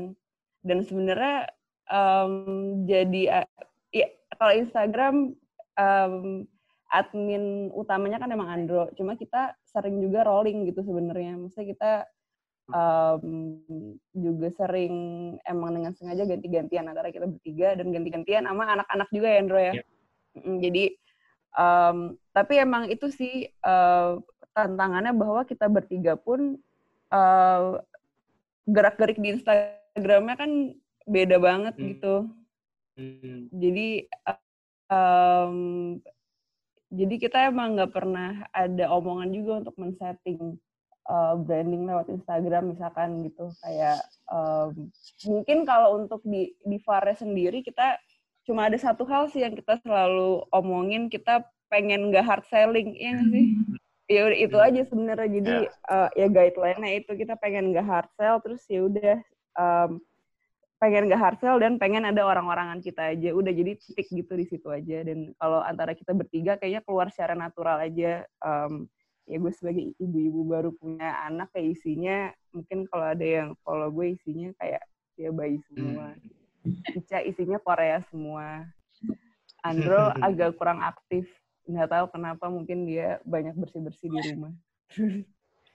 Jadi ya gitu sih. Jadi tantangannya emang kita mungkin kelihatan seperti orang yang mikirin branding tapi sebenarnya jalan secara natural sih kalau kita ngerasanya. Nah, jadi eh, nggak ada eh, tingkah laku atau gerak-gerik yang muncul di Instagram itu for the sake of branding itu nggak nggak di nggak Iya, dimaksudkan tadi itu ya, ya. yang yang Andro mau nambahin nih sama tadi dia? ya yang kayak um, pesan untuk nggak hard selling itu kita masih secara sadar melakukan itu. Kayaknya mungkin hanya itu ya. Atau mungkin nggak tahu dari- dari adminnya mungkin bisa makanya kita memang uh, mengontrol akhirnya mengontrol kapan kita post supaya nggak terlalu sering. Terus juga um, tipe tipe image atau konten yang kita post pun sebenarnya beragam banget gitu. Dari yang uh, render uh, sampai akhirnya ada gambar kerja kita masukin juga. Um, ada uh, foto-foto foto-foto konstruksi. Sampai akhirnya itu juga ke- kegiatan-kegiatan di di kantor gitu. Kegiatan di kantor pun menarik sih kalau kita mau ngepost uh, yang tadi kita sambil kerja sambil karaokean gitu kan atau kita main bulu tangkis. Sampai akhirnya uh, kantor heboh cuma gara-gara ad- ada ada tikus atau kecoa lewat gitu. Um, jadi ya udah kita uh, post apa yang kita punya sehari-hari aja gitu. Mm-mm. Oh. oke. Oke, mudah-mudahan itu menjawab ya untuk Bobi Satria ya. Nah, tapi Ica kayaknya masih ada yang mau disampaikan. Mau mau ditambahin? Udah cukup. Ada tiga orang banyak banget soalnya. Ah, Oke. Ah, ini kayaknya, oh masih ada nih pertanyaannya. Oh, ini dari Mas Antonius Richard Rusli. Oke. Boleh minta pandangan Far dan Popol tentang early entrepreneurship vs career for staff in architecture. Nah, boleh siapa yang Eh, mau jawab Lu dulu deh, Kamu Mas. Boja, boja ya. Iya, boleh deh. Iya. Iya, boleh. Ah. Amplop belum mudeng loh ini masih jam segini Eh, tadi eh, gimana pertanyaannya boleh diulang lagi nggak Pertanyaannya, pandangannya tentang early entrepreneurship vs career for staff in architecture. Jadi mungkin uh, Richard pengen tahu uh, buat teman-teman uh, mahasiswa yang tiba-tiba langsung bikin biro sama atau yang uh, be- berkarya dulu di bawah kantor orang lain. Mungkin gitu kali ya, Cat. Boleh Hmm. dijawab kali. Oke. eh sebenarnya itu lagi-lagi eh ba- eh, ya banyak yang menjalani dua-duanya sih maksudnya walaupun emang polanya yang disarankan oleh IAI juga kan sebenarnya yang kedua kan maksudnya em, ya ada ada mentorship lah dari orang Hmm. yang udah jadi arsitek sebelumnya gitu Hmm. uh, kayaknya ya kalau uh, bicara dari kita bertiga, kita sih udah pasti jalur yang kedua ya karena kita uh, ya kerja sama orang dulu gitu. Um, dan sebenarnya uh, mungkin di antara kita bertiga tuh mungkin hitungannya gue yang paling banyak nyoba kerja sama orang lain paling banyak gitu. Dan sebenarnya hal yang menyenangkan dari hal itu adalah bisa mengenal banyak em, banyak orang dari sisi profesional ya ini ngomongnya. Masa bisa mengenal banyak orang yang punya cara berpikir dan cara bekerja yang beda-beda gitu. Jadi dan kalau sempat kerja sama orang kan kita bisa ngelihat day to day gitu. Jadi mungkin beda dari cuma sekedar ngelihat di eh, majalah atau ngelihat di website atau di TV gitu. Jadi ngelihat day to day itu kan mungkin sengaja dan sengaja banyak hal yang kita serap dan eh ya nyerap kebanyakan sebenarnya bisa jadi bingung atau bisa jadi malah library-nya jadi makin banyak. Jadi kita pada akhirnya em, ya kayak kalau gue pribadi jadi makin merasa library-nya makin banyak dan jadi eh, mungkin untuk aspek A, misalnya untuk aspek desain mungkin gue lebih suka sama yang si A. Mungkin untuk aspek em, eh, handle kantor dan handle staff gue lebih suka sama yang si C gitu uh, mungkin terus kayak misalkan dari hal branding gue lebih suka yang B tapi dengan adanya library itu yang kita uh, apa kita lihat day to day secara personal gitu menurut gue sih sangat bagus gitu. Jadi uh, dan pada akhirnya lo pun juga boleh punya keputusan untuk kayak oh gue kayak nggak pengen seperti si A, B, C, D, E kayak semua bos-bos yang pernah gue kerja tuh gue kayak nggak pengen. Kayak mereka gue pengen jadi a completely different um, architect or a complete different person tuh juga bisa gitu. Jadi ya itu sih. Jadi um, kayak punya library itu uh, penting kalau untuk gue pribadi mungkin Ica sama Andro bisa nambahin juga sih dari pengalaman mereka sendiri. Kalau menurut gue itu sebenarnya pilihan dan balik lagi ke personal masing-masing nyamannya memilih jalur yang mana ya. Kalau gue personal tuh gue pasti pilih jalur yang kedua karena uh, gue sendiri ngerasa nggak uh, maksudnya untuk bisa sampai bangun sendiri itu gue ngerasa gue perlu belajar dari orang lain orang dulu gitu maksudnya ngelihat ngelihat mereka berdasarkan yang pasti jam terbangnya jauh lebih banyak jadi kalau gue akan ngerasa lebih nyaman untuk pilih jalur yang kerja dulu sama orang. Apalagi dulu kan gue sempat kerjanya bukan langsung di studio ya. Sementara Andro uh, sama Ojai kan waktu itu udah masuk ke studio kan. Itu aja tuh maksudnya dari tempat kerja yang alamin pertama kali, gue ngerasa gue masih masih perlu untuk tahu kayak gimana sih kerja di studio tuh uh, kayak gimana gitu suasananya, sistemnya, terus cara bekerjanya. Maksudnya uh, itu kayak hal-hal yang yang bisa jadi bekal kalau misalnya kita bikin sendiri dan waktu itu tuh gue gue spesifik minta ke Andro sama Koje gue boleh nggak kayak lima tahun gitu gue pengen gue pengen belajar dulu gitu sebelum kita bareng gitu sih Andro ada yang mau ditambahin Wakil sama uh, Fauzia dan Ica anaknya ya. bertiga Kamil boleh, Kamil. Kalian sehati ya. um, eh sorry bisa diulang nggak? Ya ini ya tadi pertanyaannya. Pertanyaannya uh, langsung bikin biro atau magang dulu uh, kerja dulu di kantor orang. Kalau bahasanya Richard tadi uh, early entrepreneurship vs career for staff in architecture. Hmm. Uh, Oke, okay. uh, kalau dari untuk praktik sih, gue gue ya gue kurang lebih sepakat sih sama sama Far ya. Uh, mungkin gue coba kasih contoh agak ini ya di, di konteks yang agak beda ya. Jadi kalau sama kalau bareng ASF itu banyak yeah. juga desainer yang mau terlibat gitu. Misalnya untuk rekonstruksi uh, pasca bencana misalnya atau misalnya untuk uh, kampung upgrading misalnya hal kayak gitu. Nah, di situ ada aspek-aspek desain memang yang uh, selain community organizing yang uh, hal-hal kayak gitu. Nah, di aspek desain ini akhirnya sering kali memang um, lo datang ke situ tuh misalnya lo datang sebagai arsitek, maka yang menjadikan lo datang sebagai arsitek itu bukan title lo, tapi memang harus expertise lo.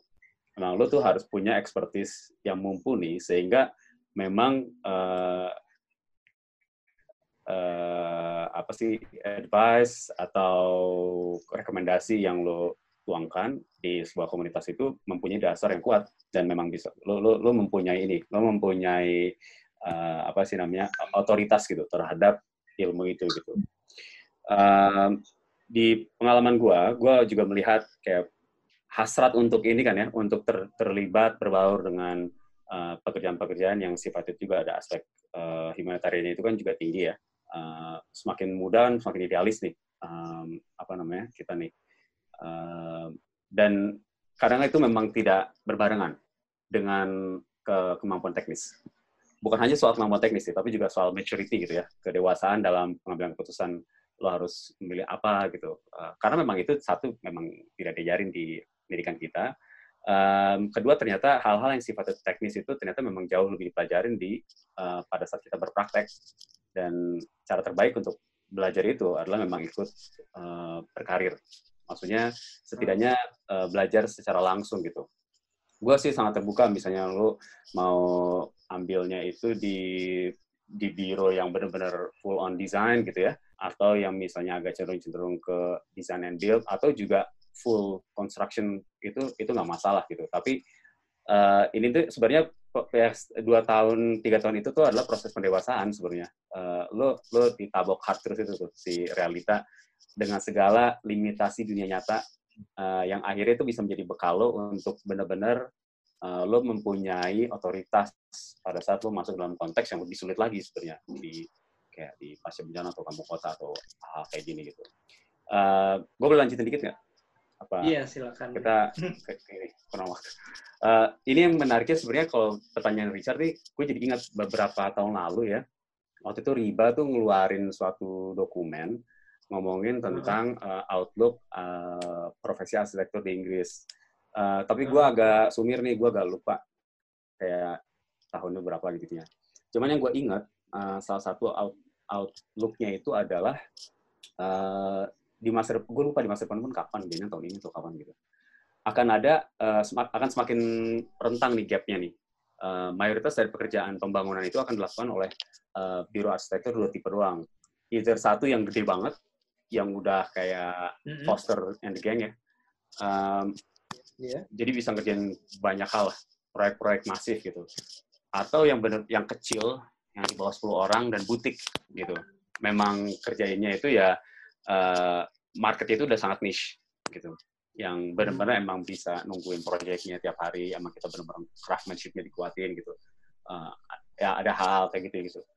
Uh, di antaranya ini bakal dicaplok, uh, yang medium size ini bakal dicaplok oleh yang besar-besar gitu. Itu kayak riba itu melihat kecenderungan itu kecenderungan perkembangan arsitektur profesi profesi arsitektur di Inggris itu seperti itu gitu.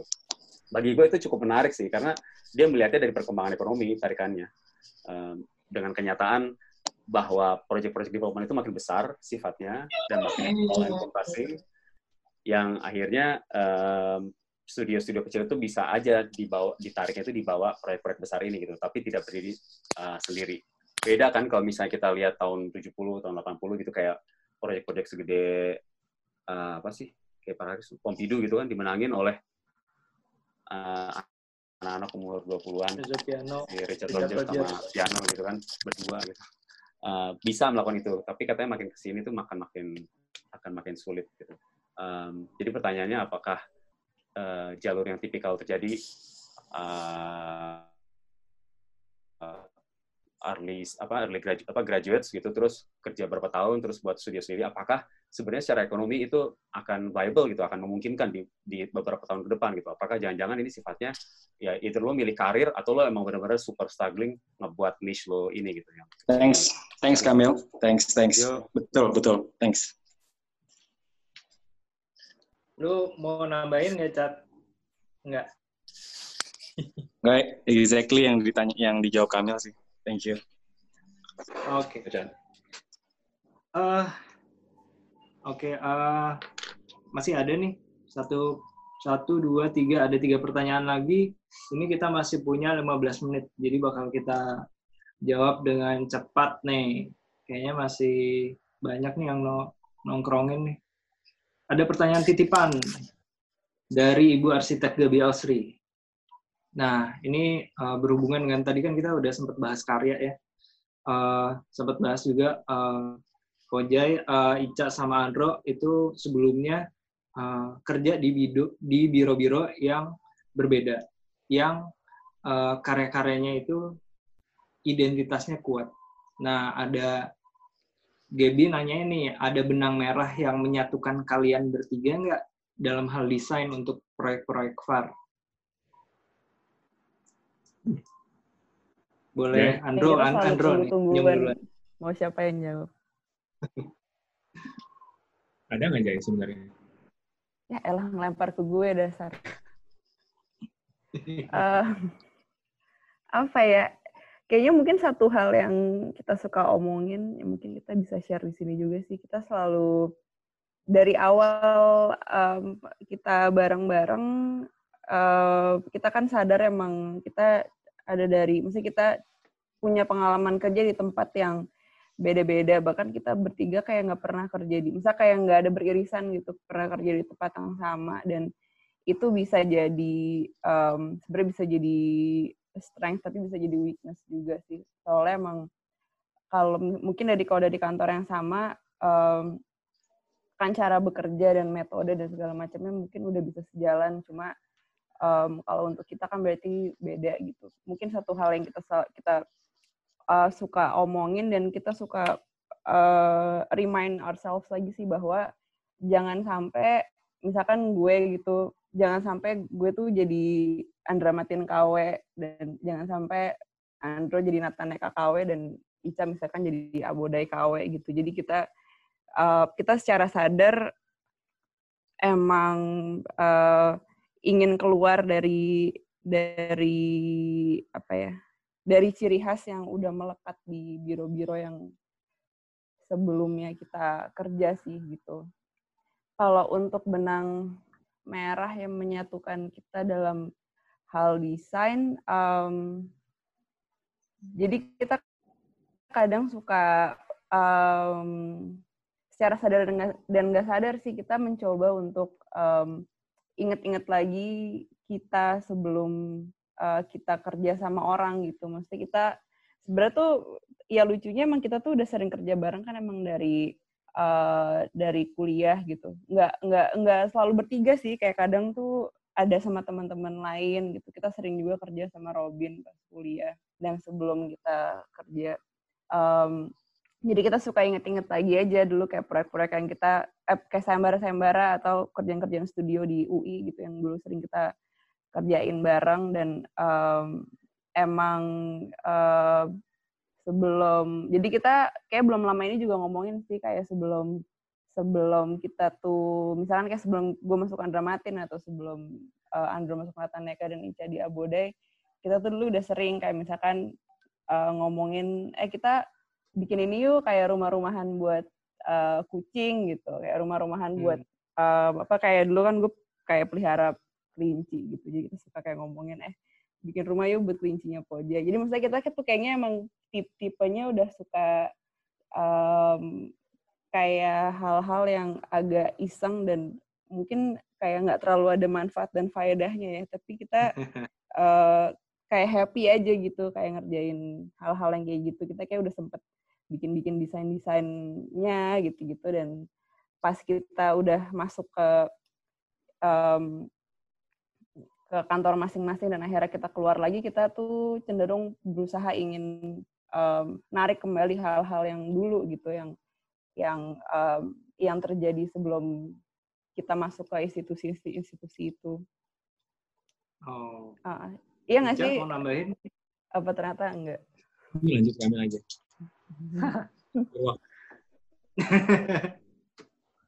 itu itu jadi uh, benang merahnya sebenarnya bukan uh, sesudah uh, Far berkarya di biro-biro yang lain ya ternyata Ged ya. Tapi ternyata sebelum mereka mulai meniti karir di biro-biro itu mereka udah punya benang merah sendiri ternyata. Mm -mm. Mudah-mudahan menjawab ya untuk Gebi ya. Uh, nah untuk uh, Kamil nih, Nah, ini ada pertanyaan dari salah seorang peserta. Nanya lagi dong, penasaran. Ini untuk semuanya ya. Uh, tapi sekarang gue mau nanyain Kamil dulu. Kamil, kalau nggak jadi arsitek, mau jadi apa? Aduh. Ini yang nanyain Agi nih. Gi, pertanyaan lo. Dulu, kalau waktu kecil tuh kayak mau jadi pemain bola. Wah kan kayak siapa sih yang nggak mau jadi pemain bola? Main Juventus. Tapi lama-lama wah kayaknya emang gak, gak jago main bola. Uh, gak pernah golin gak pernah apa. Jadi astronot gitu. Tapi mungkin re, eh, gue tuh realistisnya mungkin kalau nggak ini gue pengen ini pengen bekerja di film. Agak sektor. Oh iya. Iya lu sempat bilang ya tadi ya emang kayaknya film dan arsitektur itu kayak uh, punya uh, kemiripan ya sedikit ya. Uh, mungkin lebih pasnya kita bahas di sesi sesi yang lain kali ya. Itu nanti nanti kita kita bisa bahas. Andro, kalau nggak jadi uh, arsitek mau jadi apa Andro? Mau jualan apa Andro? Waktu gue SPMB tuh pilihan pertama gue sebenarnya FKUI gitu. Uh, oh. Tapi pas buka pengumuman, eh masuknya malah, malah UI gitu Uh, ya. Jadi sebenarnya kalau gue uh, nggak jadi arsitek mungkin gue di dokter sih. Meskipun uh, bidang aja. Keren. Ica, Ica udah mikir tuh mau jadi apa, Cak? Iya. Jadi chef. Mengeksplorasi. Oh iya, itu bagus. Keren. Mungkin bisa Eksplorasi makanan.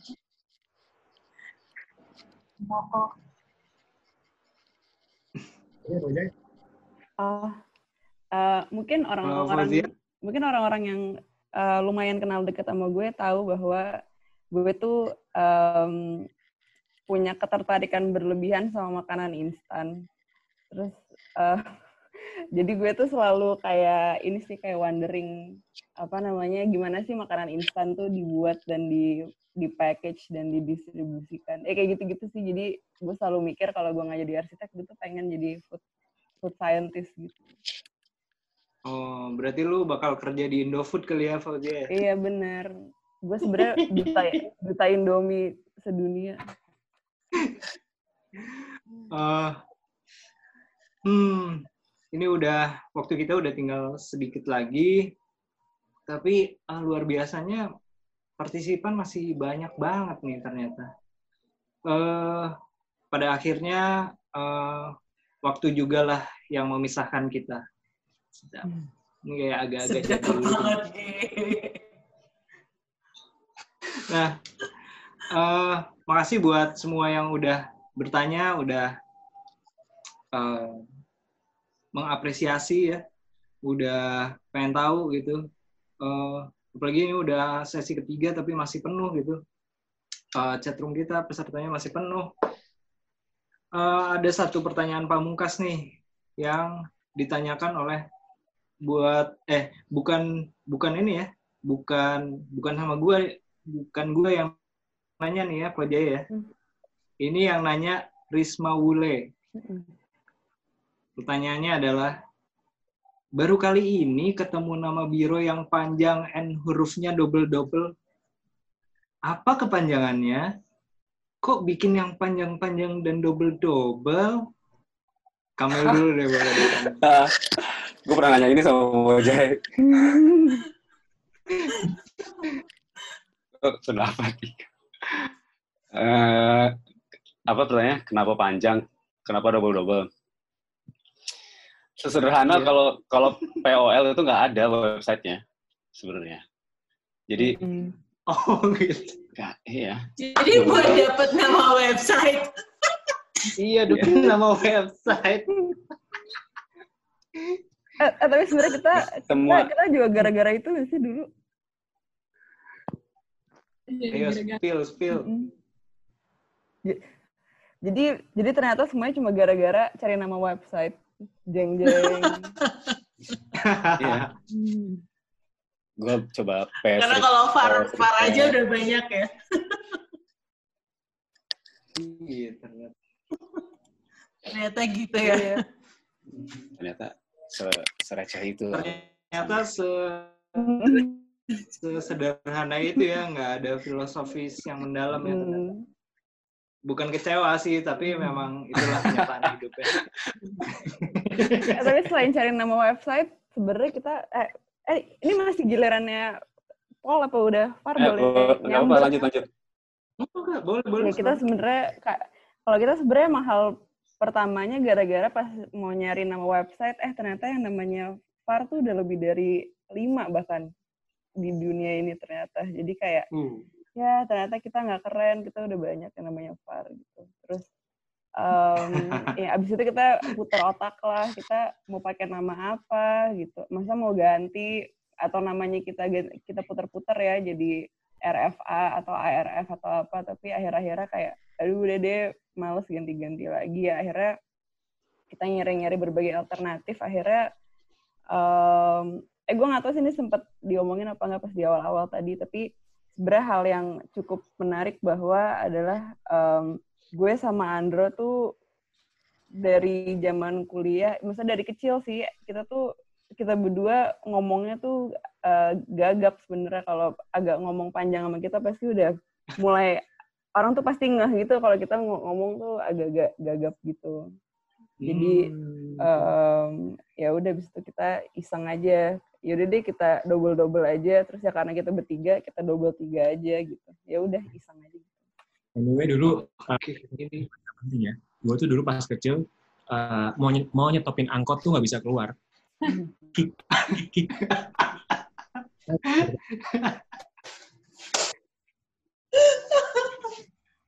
Tapi ini kayak ini nggak sih kayak Ya, akhirnya nama ini ya nama panggilan-panggilan aja ya. Dulu, Hmm. dulu awalnya gue juga kayak apa yang keren ya gila nama studi yang keren tuh apa? Wow itu kayak udah ada seratus seribu seratus puluhan ribu kombinasi kayak udah kayak kombinasi ini tuh nggak lo kombinasi apa namanya nomor locker gitu. Iya. Udah berbagai macam akronim Eh, kan khas ya arsitek itu kayak tiga huruf ah akronim tiga huruf tapi kayak ah ini gue nggak tahu deh apa gitu terus Mm-mm. apa pol ya krianya pol atau itu paling di keyboard paling dekat hurufnya gitu akhirnya sebenarnya akhirnya kayak di otak gue kayak receh aja gitu apa "Ya udahlah mungkin ini aja kali terus pas mau cari website tentunya nggak ada udah tigain aja nggak apa-apa deh Mm, Iya. mm, mm. Jadi begini ya. Kenapa ternyata bilangnya tiga gitu, nggak dua gitu? karena Biar seru ya. karena Feng Shui kali Oke. amin amin ya Allah Nah, Amin. Nah, jadi jadi ternyata identitas itu bukan hanya superficial dan dibentuk eh, sedemikian rupa ya, tapi ternyata eh, tumbuh dengan organik.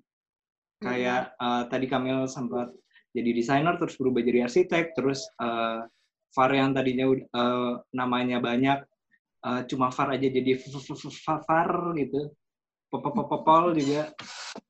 Eh, Oke, eh, kayaknya ini ini tinggal satu menit lagi nih. Uh, terima kasih buat uh, semuanya narasumber dan partisipan. Uh, dengan begitu episode ke-10 saya tutup. Uh, nantikan cerita-cerita lain di balik desain bersama narasumber yang gak kalah seru di Sunday Sharing Design Stories. Uh, dan jangan lengah ya, pandemi ini, ini belum berakhir. Jangan malas cuci tangan, jaga jarak di tempat umum, dan selalu ikuti protokol kesehatan. Karena dengan menjaga kesehatan, kita baru bisa berkarya sepenuh hati. Oke, luar terima kasih untuk semuanya. Terima kasih yang udah kasih semuanya. berpartisipasi.